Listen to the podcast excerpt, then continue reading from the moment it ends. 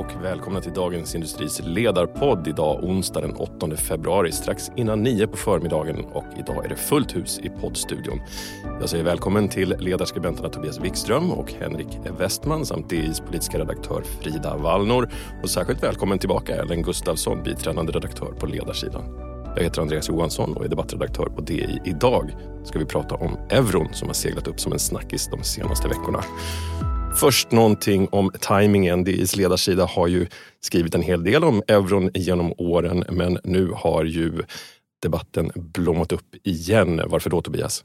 Ja, men det har ju naturligtvis med den svaga kronan att göra. Eh, och eh, vi, vi har ju egentligen ingen startsträcka i detta eftersom vi har eh, skrivit om det här så mycket genom åren. Men nu finns det ju något slags momentum. Det är flera näringslivsföreträdare som har gått ut och börjat debattera detta. Så det är väldigt intressant det som pågår just nu. Hade vi haft den här debatten om eh, inte vi hade skenande energipriser eller eh, en svag krona och inflation, Frida? Eh, jag tror i alla fall inte att den har fått lika mycket fart. Som du sa där inledningsvis så har ju vi skrivit om det här länge. Eh, men då har vi ju framförallt kanske pratat om de politiska argumenten för det. Att gå med, införa euron och de, och de argumenten finns ju i allra högsta grad kvar idag. Eh, jag tänker nu när Sverige är ordförandeland i EU så pratas det ju väldigt mycket om vikten av att vi ska ha någonting att säga till om i EU. Eh, men jag tycker att det räcker ju inte liksom att komma och tänka på det nu när vi är ordförande under ett halvår utan det här är någonting som borde vi prata om oftare och då tror jag just att vara en del av eurozonen, eh, liksom att svenska EU-medlemskapet, att vi är med fullt ut är en viktig faktor till att vi ska kunna ha någonting att säga till om jämt. Så därför tycker jag att det är bra att det kommer upp nu men vi borde prata om det alltid. Mm. Om vi tittar på kronkursen då så är det den lägsta sedan 2009. Vilka effekter får det här då främst för näringslivet, Henrik? Ja, det beror ju lite på om man exporterar eller importerar. Eh, och eh, den som exporterar eh, får, får ju helt enkelt en boost av den svaga kronan. Den som importerar däremot kommer ju se att det man köper utifrån det blir dyrare. Man får helt enkelt betala mer om, om en sak prissätts i dollar till exempel. Men det som är, tror jag, långsiktigt allvarligt med den svaga kronan det är ju att omvandlingstrycket i eh, näringslivet minskar. Eh, man, man blir helt enkelt mindre benägen att spara pengar, att vara effektiv, att helt enkelt höja produktiviteten för att man har den svaga kronkursen som en kudde. Näringslivet har ju börjat få upp ögonen för eurofrågan och de hade ett stort jobb i lördagens tidning där flera högt uppsatta företagsledare uttalade sig i den här frågan, både för och emot. Vad skulle ett potentiellt eurosamarbete betyda för svenska företag? Nej, men jag tänker att om man bara drar upp den nivå så tänker jag att det som är bra för näringslivet är ju det som så att säga, är bra för ekonomin. Och det finns många ekonomiska fördelar som vi redan har konstaterat också med, med euron. Eh, bortsett från liksom, de politiska och att vi då kanske skulle också öka vårt, eh, det svenska förmågan att påverka politiken i, i EU. Och det har varit många näringslivsprofiler som har lyft fram sin syn på eurofrågan. Bland annat Karl-Henrik Svanberg som, som eh, har konstaterat just det här att de här tidigare argumenten, om man säger så att eh, exporten skulle fungera som en krockkudde, gäller ju inte i, i en tid av globala värdekedjor där man också importerar. Eh, och sen så var det Christer Gardell som, eh, som också kommenterade att vi har ju nu haft goda tider och det är så här det har sett ut. Vad skulle hänt om vi hade haft så att säga, eh, en sämre ekonomi i Sverige? Får jag bara tillägga också, jag, jag håller helt med det, det Ellen säger där att jag tror också att det skulle skicka ut en väldigt tydlig signal om Sverige skulle ta den här frågan på större allvar. Att man faktiskt börjar debattera den här på, på riktigt igen. Alltså dels har vi nu börjat ta ansvar för Europas säkerhet i och med att vi skickar in en ansökan till NATO. Och att då också visa att det här är också någonting som vi vill vara med och ta ansvar för. Eh, kanske gå med i bankunionen och på så sätt vara med och liksom dela på ansvaret för liksom riskerna i Europas banksystem och införa euron tror jag också skulle sända ut en signal som till exempel internationella investerare säkert skulle uppskatta att Sverige liksom är med långsiktigt i EU och liksom visar att vi vill vara med i kärnan av, av EU-samarbetet. Frida, du pratade om argumenten för att gå med i eurosamarbetet tidigare, men vilka är argumenten för att gå emot att gå med? Ja, alltså jag tycker ju framförallt att det, det är väldigt bekant. Alltså det, de argumenten som framförs, de är ju de här som man har hört i alla år. Eh, det är väldigt ny, få nya argument som kommer upp utan det är många som pratar om att ja, kronan har tjänat Sverige väl. På samma sätt som vi vande oss vid under, i NATO-debatten tidigare att man pratade om att alliansfriheten har tjänat Sverige väl. Men jag tycker det är väldigt lite framåtblickande i det här. Men om jag ska vara mer saklig då så, så är det framförallt tre argument som jag, som jag tycker man hör i debatten. Och det första det är att vi ger upp nationell beslutande makt till Bryssel. Som att, vi, alltså att Riksbanken frånsäger sig möjligheten att kunna liksom skräddarsy makroekonomiska lösningar, eh, alltså penningpolitiska lösningar som är mer skräddarsydda för svenska kriser. Det är det ena. Eh, det andra är då att vi skulle få vara med och dela på bördan för hur vissa sydeuropeiska länder sköter sina finanser. Eh, och sen den tredje som jag hört nu mer på slutet är ju att folk på riktigt tror att eurozonen inte kommer att hålla. Att det på så sätt skulle vara bättre för Sverige att stå utanför. Eh, ni andra får gärna säga någonting om de här argumenten. Jag, jag vet vad jag tycker. Vad säger ni andra? Nej, men jag, jag, tycker att det är en jätteintressant aspekt som Frida lyfter. Eh, det här med eh, vilken valuta och vilken eh, liksom, regim som tjänar en bäst. Om man tittar på Finland och man tittar på Sverige så är det ju liksom inte, det är ju inte solklart. Eh, alltså det fanns farhågor, nej-sägarna till euron i Sverige, de hade farhågor för att det här kommer vara negativt för ett litet utrikeshandelsberoende land som Finland att gå med i euron och ha en fast växelkurs för de har också en stor exportindustri. Och det kan vi ju se nu då att det har, har ju inte besannats. Samtidigt så tror jag det är ganska svårt också att, säga, att, att vända på argumentet och säga men vad är det som har gynnat Sverige? Så att de där argumenten, de hör man absolut, eh, men de är, det, det är inte liksom entydigt vad som är rätt och vad som är fel. Det finns ju jämförelseproblem också. Finland har ju inte riktigt samma sorts ekonomi som vi. De hade en enormt dominerande Nokia som inte mådde så bra under en tid och sådär. Det, det, det, finns jämförelseproblem som, som man hela tiden kan ta fram som, som, ställer, till, som ställer till det. Mm. Och jag måste också säga apropå de här argumenten att jag tycker det är väldigt svårt att, att se att, att Sverige skulle ha en form av, alltså vi har ju en oberoende riksbank. Men Riksbanken har ju i praktiken följt det Europeiska centralbanken gör senaste tio åren. Så att liksom prata om någon form av självständighet här tycker jag är lite hyckleri. Och när det gäller här om att vi skulle få vara med och ta ansvar för vissa misskötta länders ekonomier. Det får vi ju ändå i dagens EU. Alltså som vi såg hur den här återhämtningsfonden efter pandemin utformades så är det ju inte bara eurozonen länderna som är med och delar på bördan utan även andra länder också. Och sista poängen där. Nu pratar ju Ursula von der Leyen om att införa en sån här suveränitetsfond som också ska bygga på gemensam upplåning inom EU. Och där kommer också Sverige få vara med och pytsa in, eh, liksom även om vi är med i eurozonen eller inte. Så jag tycker att de här eh, argumenten inte håller. Det som möjligen håller det är ju det här om eurozonen kraschar på grund av de här uppbyggda obalanserna inom samarbetet. Men alltså kraschar eurozonen då kraschar ju hela EU-samarbetet. Hur realistiskt är det att vi lämnar den svenska kronan och fullt ut omfamnar eurosamarbetet, då, inklusive gå med i bankunionen? Finns det några alternativ mellan det och vad vi har idag, Henrik? Ja, nu kommer möjligen mina kollegor säga emot, men jag tror ju inte att det kommer ske, i alla fall inte i brådrasket. Och jag tror att det, det skulle kräva att man får en opinionsförändring eh, här. Att man börjar prata om det från politiskt håll. Eh, och jag har svårt att se att, att det kommer ske faktiskt i närtid. Men, men osvuret är ju bäst och det visar ju inte minst det här snabba NATO-inträdet. Och jag tycker resonemanget är, är intressant. Jag tycker verkligen att politikerna bör prata om det och jag skulle också välkomna faktiskt en utredning för saker och ting är ju mycket annorlunda idag jämfört med eh, för tio år sedan. Då ska vi se om kollegorna håller med eller inte. Nej men jag håller med Henrik. Alltså, om man säger så här, eh, bara det som har hänt det senaste året med NATO visar ju att det kan svänga väldigt snabbt i frågor som, som det tidigare funnits ett ganska kompakt konsensus i. Eh, och sen tror jag också att liksom, faktumet att man idag säger att nej, men det kommer nog ta lite tid eh, kan ju också ha att göra med att den här... Har du också valt att bli egen? Då är det viktigt att skaffa en bra företagsförsäkring. Hos oss är alla småföretag stora och inga frågor för små. Swedeas företagsförsäkring är anpassad för mindre företag och täcker även sånt som din hemförsäkring inte täcker. Gå in på swedea.se företag och jämför själv. Där det finns ett samhälle, där finns det brott. Krimrummet är podden som tar brottsligheten på allvar.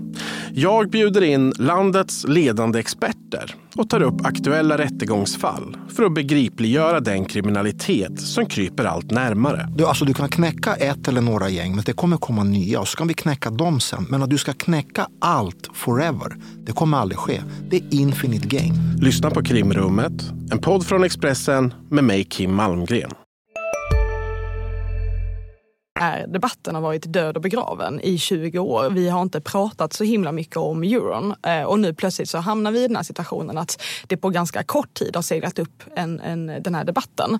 Eh, och sen det kommande året kan man också säga att för svensk del så blir Europafrågor lite mer aktuella än vad de annars brukar vara. Vi är ju ganska dåliga i Sverige på att prata om eh, frågor som, som just nu drivs i, i, EU så att säga. Men vi har ordförandeskapet den här våren. Om ett år är det val till Europaparlamentet. Så att det är egentligen en ganska perfekt tid nu att diskutera euron och andra sakfrågor i, eh, som, som berör så att säga, Europa och Sverige. Eh, så att jag tror att det ska bli spännande att se vad som händer med den här debatten det kommande året.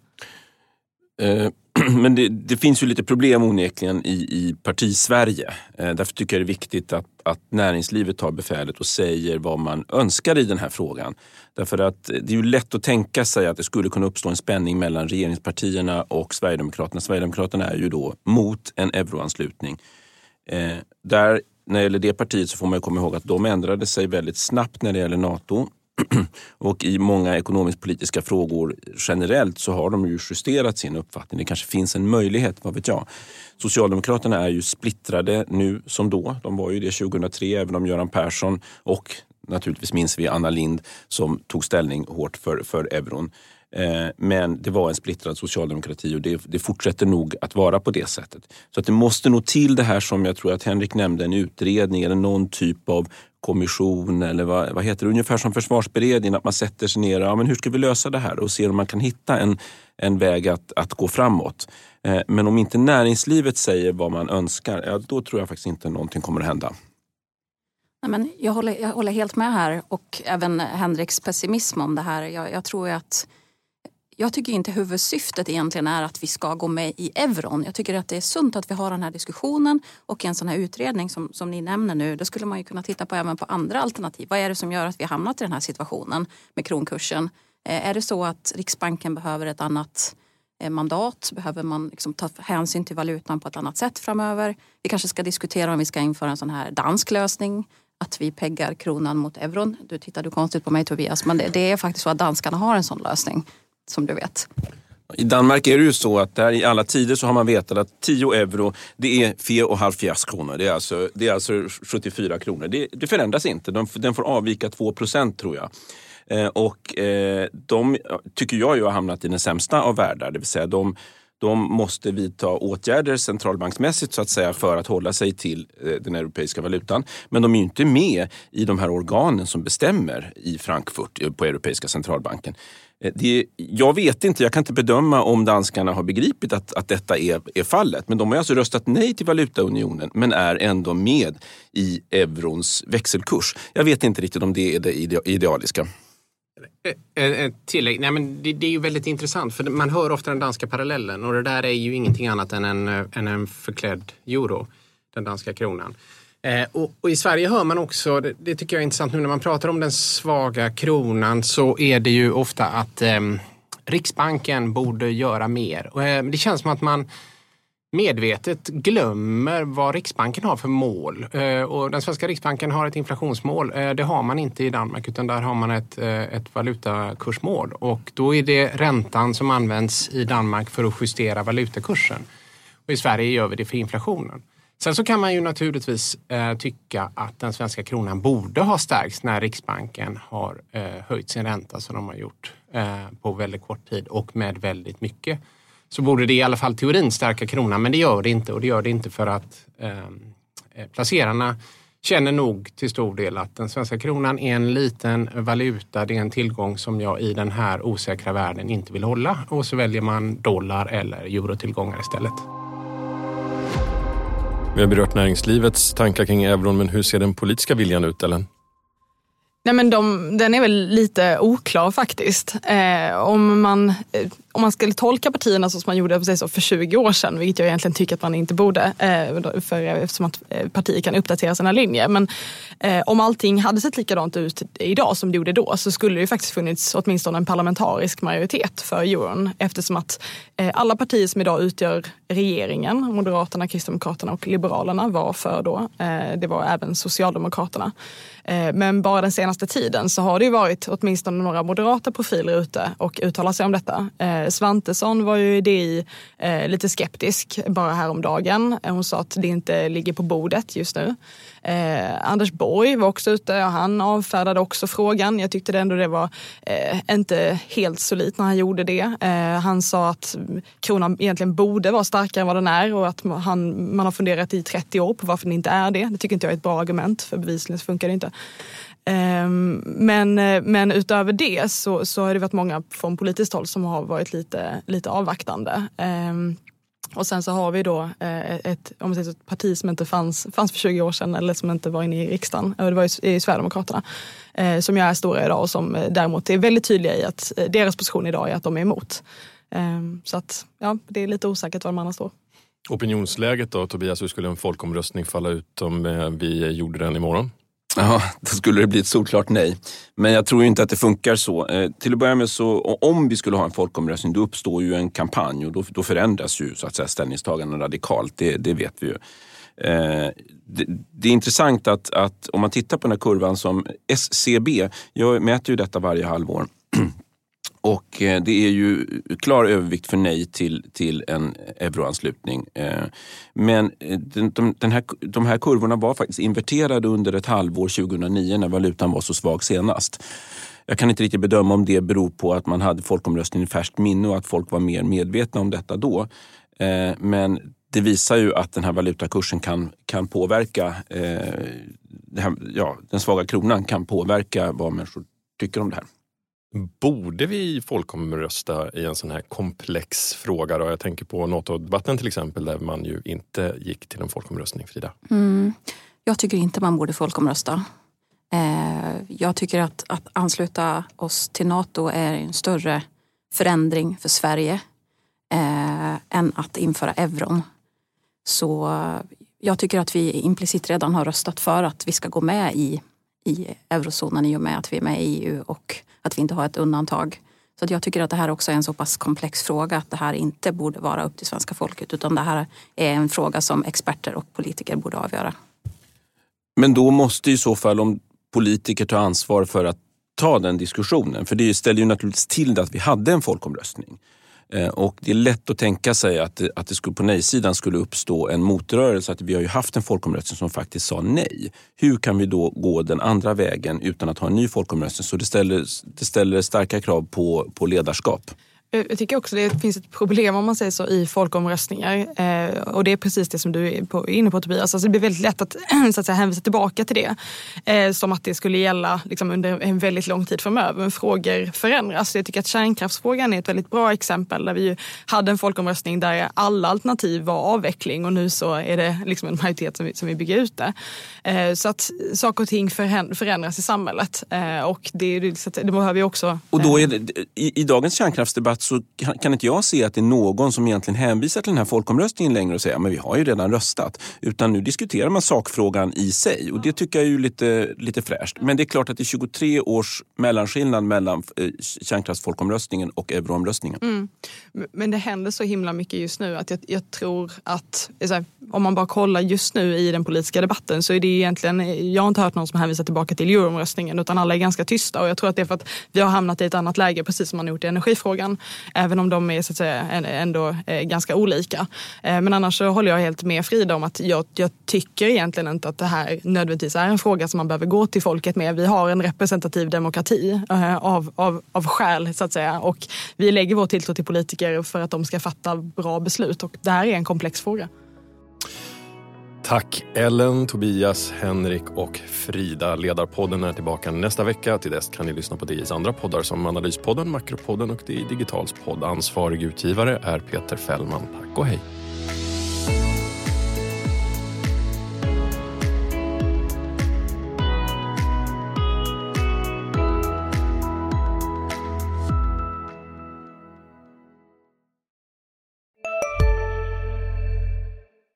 Hej. Synoptik här.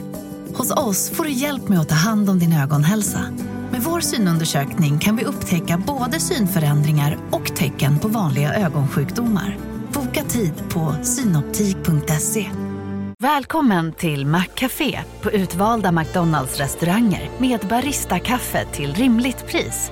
Vad sägs om en latte eller cappuccino för bara 35 kronor? Alltid gjorda av våra utbildade baristor.